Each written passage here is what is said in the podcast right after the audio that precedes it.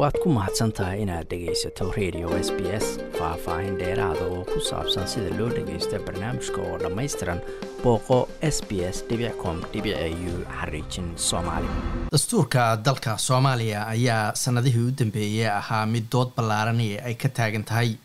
Iyadoo markasta oo siyaasadda laysku fahmi waayo cid walba ay soo xigato dastuurka iyagoo ku eedeeya dhanka kale inay dastuurka markaasi u gafayaan sidoo kale waxaa laga doodaa in dastuurku uu yahay mid qabya taasoo aqoon-yahanada iyo khubarada qaarkood ay aaminsan yihiin in arintaasi ay tahay mid khalada.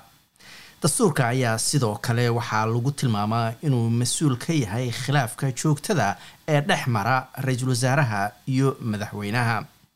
Cabdisalaan hadliye waa wasiirkii hore ee arrimaha dibadda ee soomaaliya.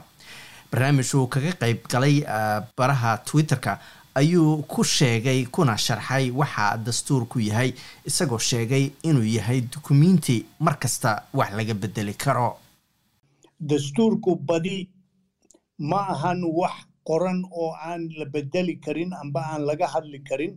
Waxa weeye document nool oo mar walba la naaqishi karo oo wixii wadceedaha iska bedela la bedeli karo wixii lagu biirin karo lagu biiriyo laakiin ay yeelato qawniin loo sameeyo. Sidii wax looga bedelo amba wax loogu daro amba amba wax looga amba wax looga wax looga dhimo.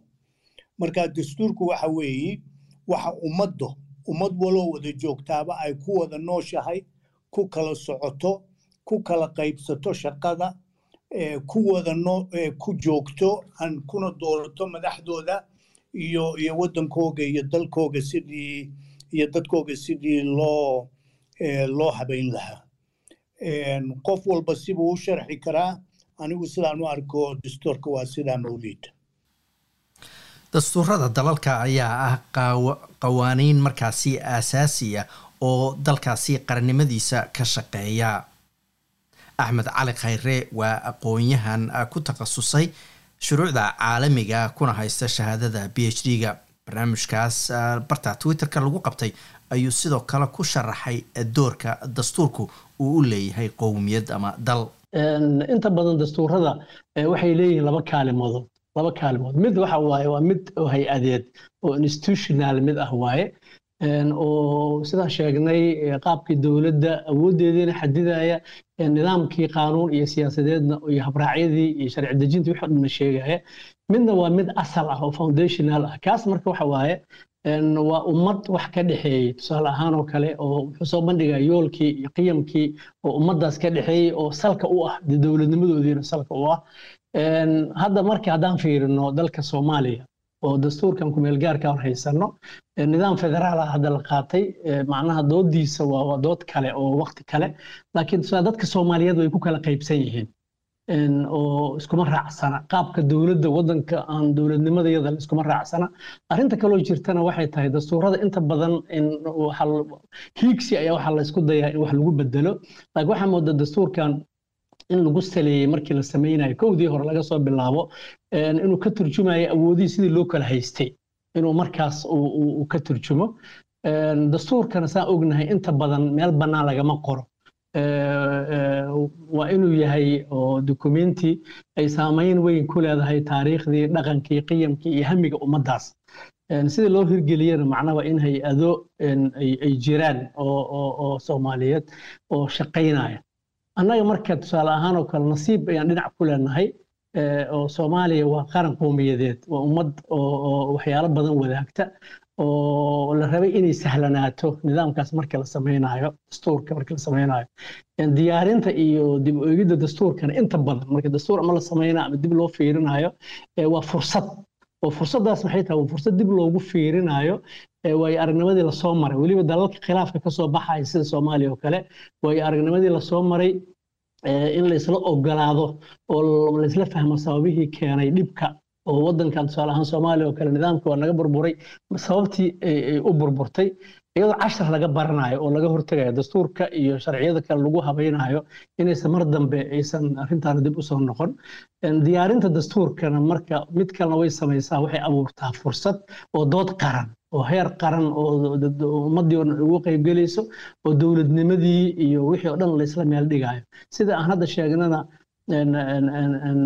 ummadda dadka soomaaliyeed arrintaas way ku kala duwan yihiin haddii marka si daah furan loo sameeyo inta badan xataa waxaa sahlanaata in khilaafka maxaa la dhihi jiray uu xaliyo khilaafyada xaliyo dalalka marka aniga waxaan leeyahay soomaaliya waa dalal hadda oo khilaaf waqti dheer socday ka soo kabsanaya markii la rabo waddamada saasoo kale ah ma ahan sida wadan degan oo kale dastuurka loo qorayo waa nidaam ka duwan macnaa waxaa la rabaa annaga hadda taasna in la sameeyey qaabkaas ma aana u sameynin waxaa la rabaa in la kala saaro heshiiskii colaadda lagu joojinayo iyo dastuur qoridda annaga hadda haddaa fiirisid dowladda markii la dhisaya carta markii la fiiriyana heshiiskii oo colaad joojinta iyo dastuur qoriddii waa la beegay. Imbagaati markii la sameynayana sidoo kale ay noqotay oo wixii madaxii iskula galeen. Ma ahayn nidaam oo kale madax doctor axmed cali khayre ayaa sheegay in dhibaatada soomaaliya haysata aysan ahayn dastuurka ama nidaamka la dhigtay ee ay tahay hirgelintooda ama la'aanta hirgelinta nidaamkaasi. Marka waxaa laga yaabaa marar badan inaysan dhibaatadu nidaamyada aysan ahayn. Nidaamyadu way wataan dhibaatooyin qaarkood laakiin inay tahay annaga qaabka aan ula falgalno nidaamkaas dawliga oon rabno inaan qaadano hadda tusaale ahaan sida afka ku dhifatay laga bilaabo labadii kun oo markii oo ahayd oo dowladdii carta lagu soo dhiso inta la isku yimaado dowladda isku waafaqsan yahay iyo dastuur la sameeyo khilaafyo siyaasadeedaa jiro madaxweynaha iyo tusaale ahaan ra'isul wasaaraha inta badan u dhexeeya oo hadda madaxweyne kastoo soo maray ugu yaraan laba ama saddex ra'iisul wasaare ayuu ayuu ayuu la dhaqmay oo isqabsi iyo waxaa yimid. Macnaha wasaare madaxweyne aysan laba ra'iisul wasaare ama saddex isqaban ma jiro. Khilaafka soo noqnoqday ee dhex mara ra'iisul wasaaraha iyo madaxweynaha ayay dadka qaar inta badan u nisbeeyaan dastuurka. Balse doctor axmed cali khayre ayaa leh inkastoo dastuurku uu qeyb ka yahay haddana inay jiraan arrimo kale oo sababaya khilaafkaasi madaxda dhex mara. Aniga waxaan ku doodayaa dastuurka markaad fiirisid awoodaha oo macal kuwii hore kumeelgaarkaha iyo kan hadda kumeelgaarka ah awoodaha oo tusaale ahaan ra'iisul wasaaraha iyo madaxweynuhu way kala cad yihiin. Oo si fiicanay u kala cad yihiin. Meelo yar oo ma ahan inta kale way kala cad yihiin laakiin dhibku wuxuu ka taagan yahay ma ahan dastuurka keliyaha u malaynaa. Waxay tahay laba sababood aan ku sababaynaa sababta koowaad waxay tahay madaxweynaha ayaa doorashada gala. Macnaha isagaa qarashka bixiya doorashada gala oo issharaxa. Madaxweynihii markii la doorto oo uu meeshii yimaado dastuurkiina awooddii inta badan oo fulinta iyo waxwadidda golihii wasiirada ayaa awooddii iska leh. Madaxweynihi wuxuu noqdaa nin awood badan lahayn oo wax badan iska bilaaban asaga oo wixii golaha wasiiradu u soo keenaan ama baarlamaanka uga yimaada go'aan ka gaara. Macna taas marka waxay keentay madaxweynihii inuu qaabkaas xoogaa uu leeyahay aniga legitimacyga leh oo anaa laysoo doortay. Tan kalena waxay tahay inta badan dadka hadda soomaaliya dowladnimada ay hadda ku fakaraan oo ay dib ugu noqdaan oo referencega ay ka dhigtaan oo dowladdii ugu waktiga dheereed oo labaatan iyo kooda sano dowladdii militariga oo halka meel laga xukumo madaxweynuhu oo awoodda lahaa. Macnaha madaxweyne kastoo inta badan soomaaliya soo marana macnaa wuxuu isku dhereerinayay madaxweynihii dowladdii militariga oo inay asaga awooddii leeyahay. Iyadoo dastuurkii awooddii siinin ayaa madaxweynihii wuxuu isku haystaa inuu awood leeyahay. Midda kalena waxay tahay macal ra'iisul wasaarayaasha iyo macal shacabka waxay aaminsan yihiin madaxweynuhu inuu awoodda leeyahay. Oo waxaa arkaya xafiiskii madaxweynaha la hordhooban yahay. Haddaad xaqiiqada fiirisidna mar kasta oo uu ra'iisul wasaare isku dayo inuu awooddii dastuurku siiyey u isticmaalo khilaafaa imaana.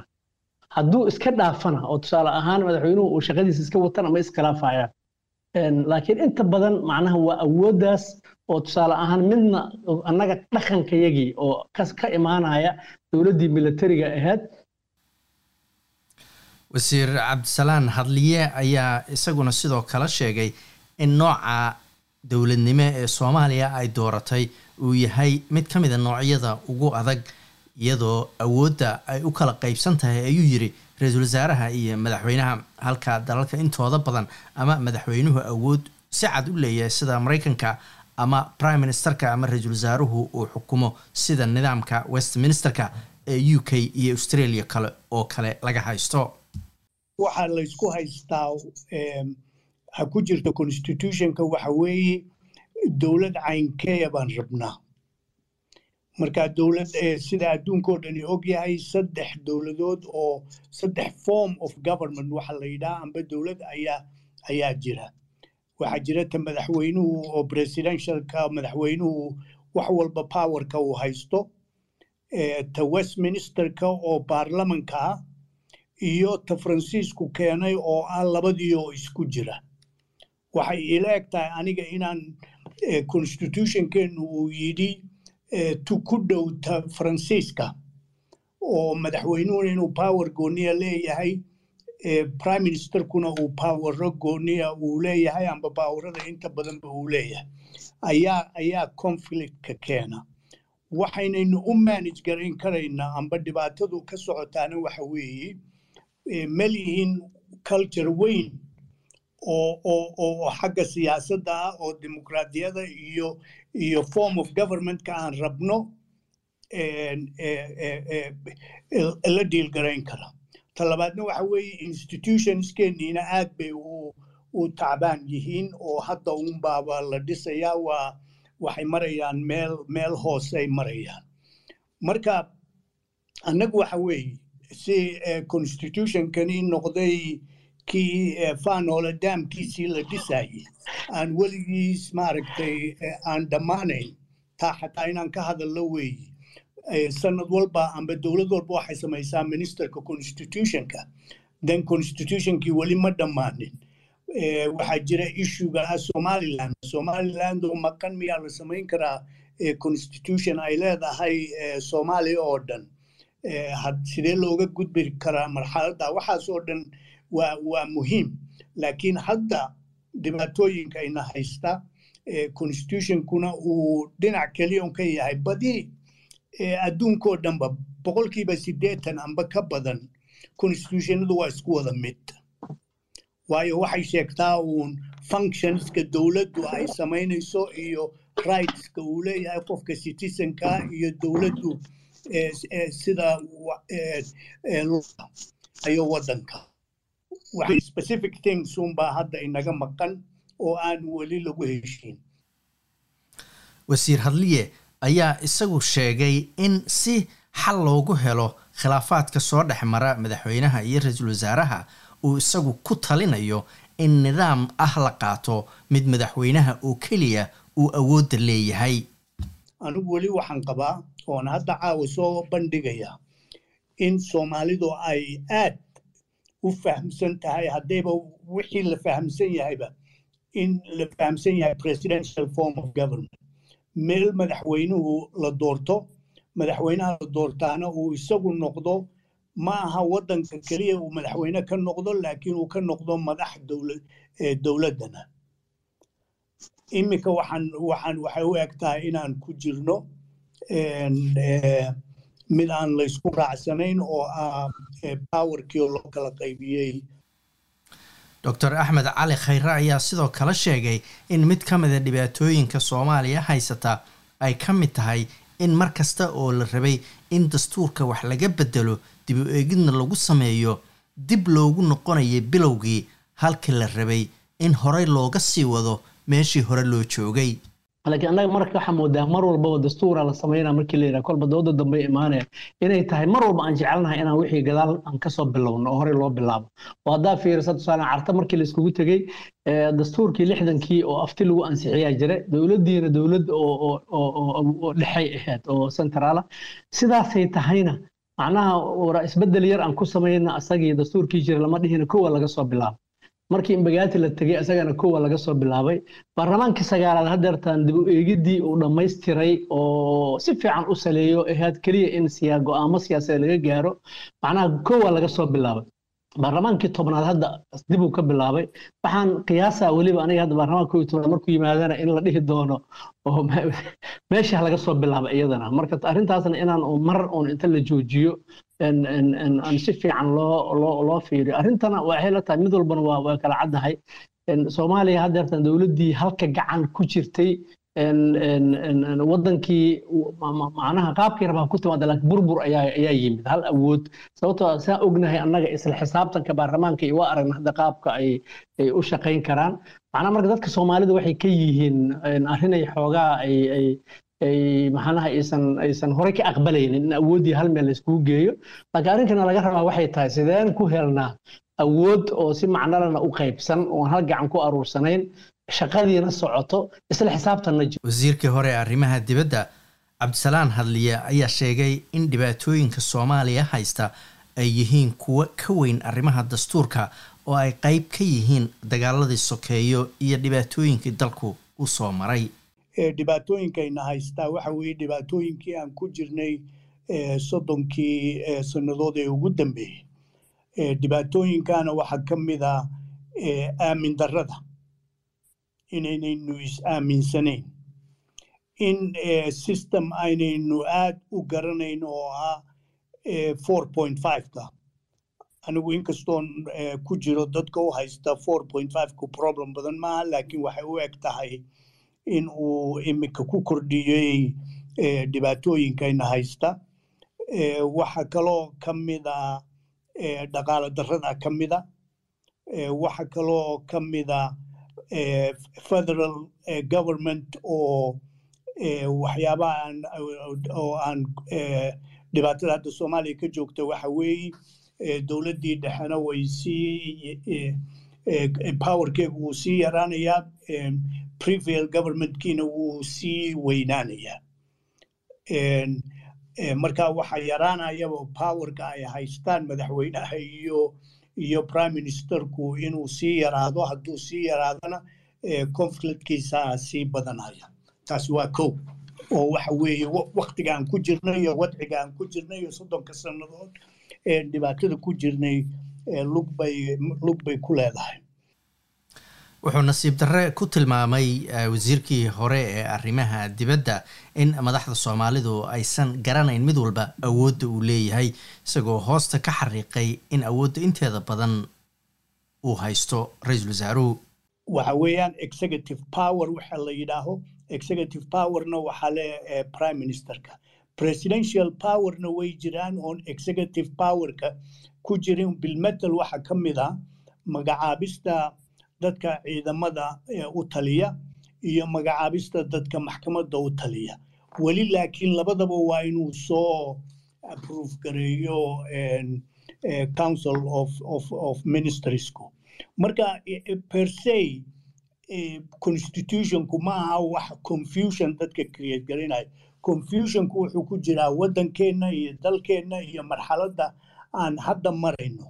Waa number one number two confusionka kale wuxuu ku jiraa waxaan nahay dad u bartay presidential form of government waayo labaatan sannadood baa laynagu xakumayay presidential form of government. Marka dadka badidooda oo wax ka xasuustaa waxay xasuustaan dowladdii uu madaxda ka ahaa siyaad barre. Ta saddexaadna waxa weeyaan oo iyaduna aada u muhiima parliamentarian presidential form of government oo hadda lagu wado waddanka waxa weeye ka ugu complicatesan weeye saddexda form ee government ee jira waayo waa qaybsigaasi power of center of powerska. Center of powerkii meel kaliya kuma yaallo labuu ku yaallaa wasiir hadliya ayaa sheegay in sababta somalilan iyo puntland ay nabaddu uga hana qaaday sannadihii u dambeeyey halka colaado iyo dhibaatooyin ay ka jireen bartamaha iyo koonfurta soomaaliya. Isagoo ku sheegay sababta in somalilan iyo puntland lagu kala adkaaday.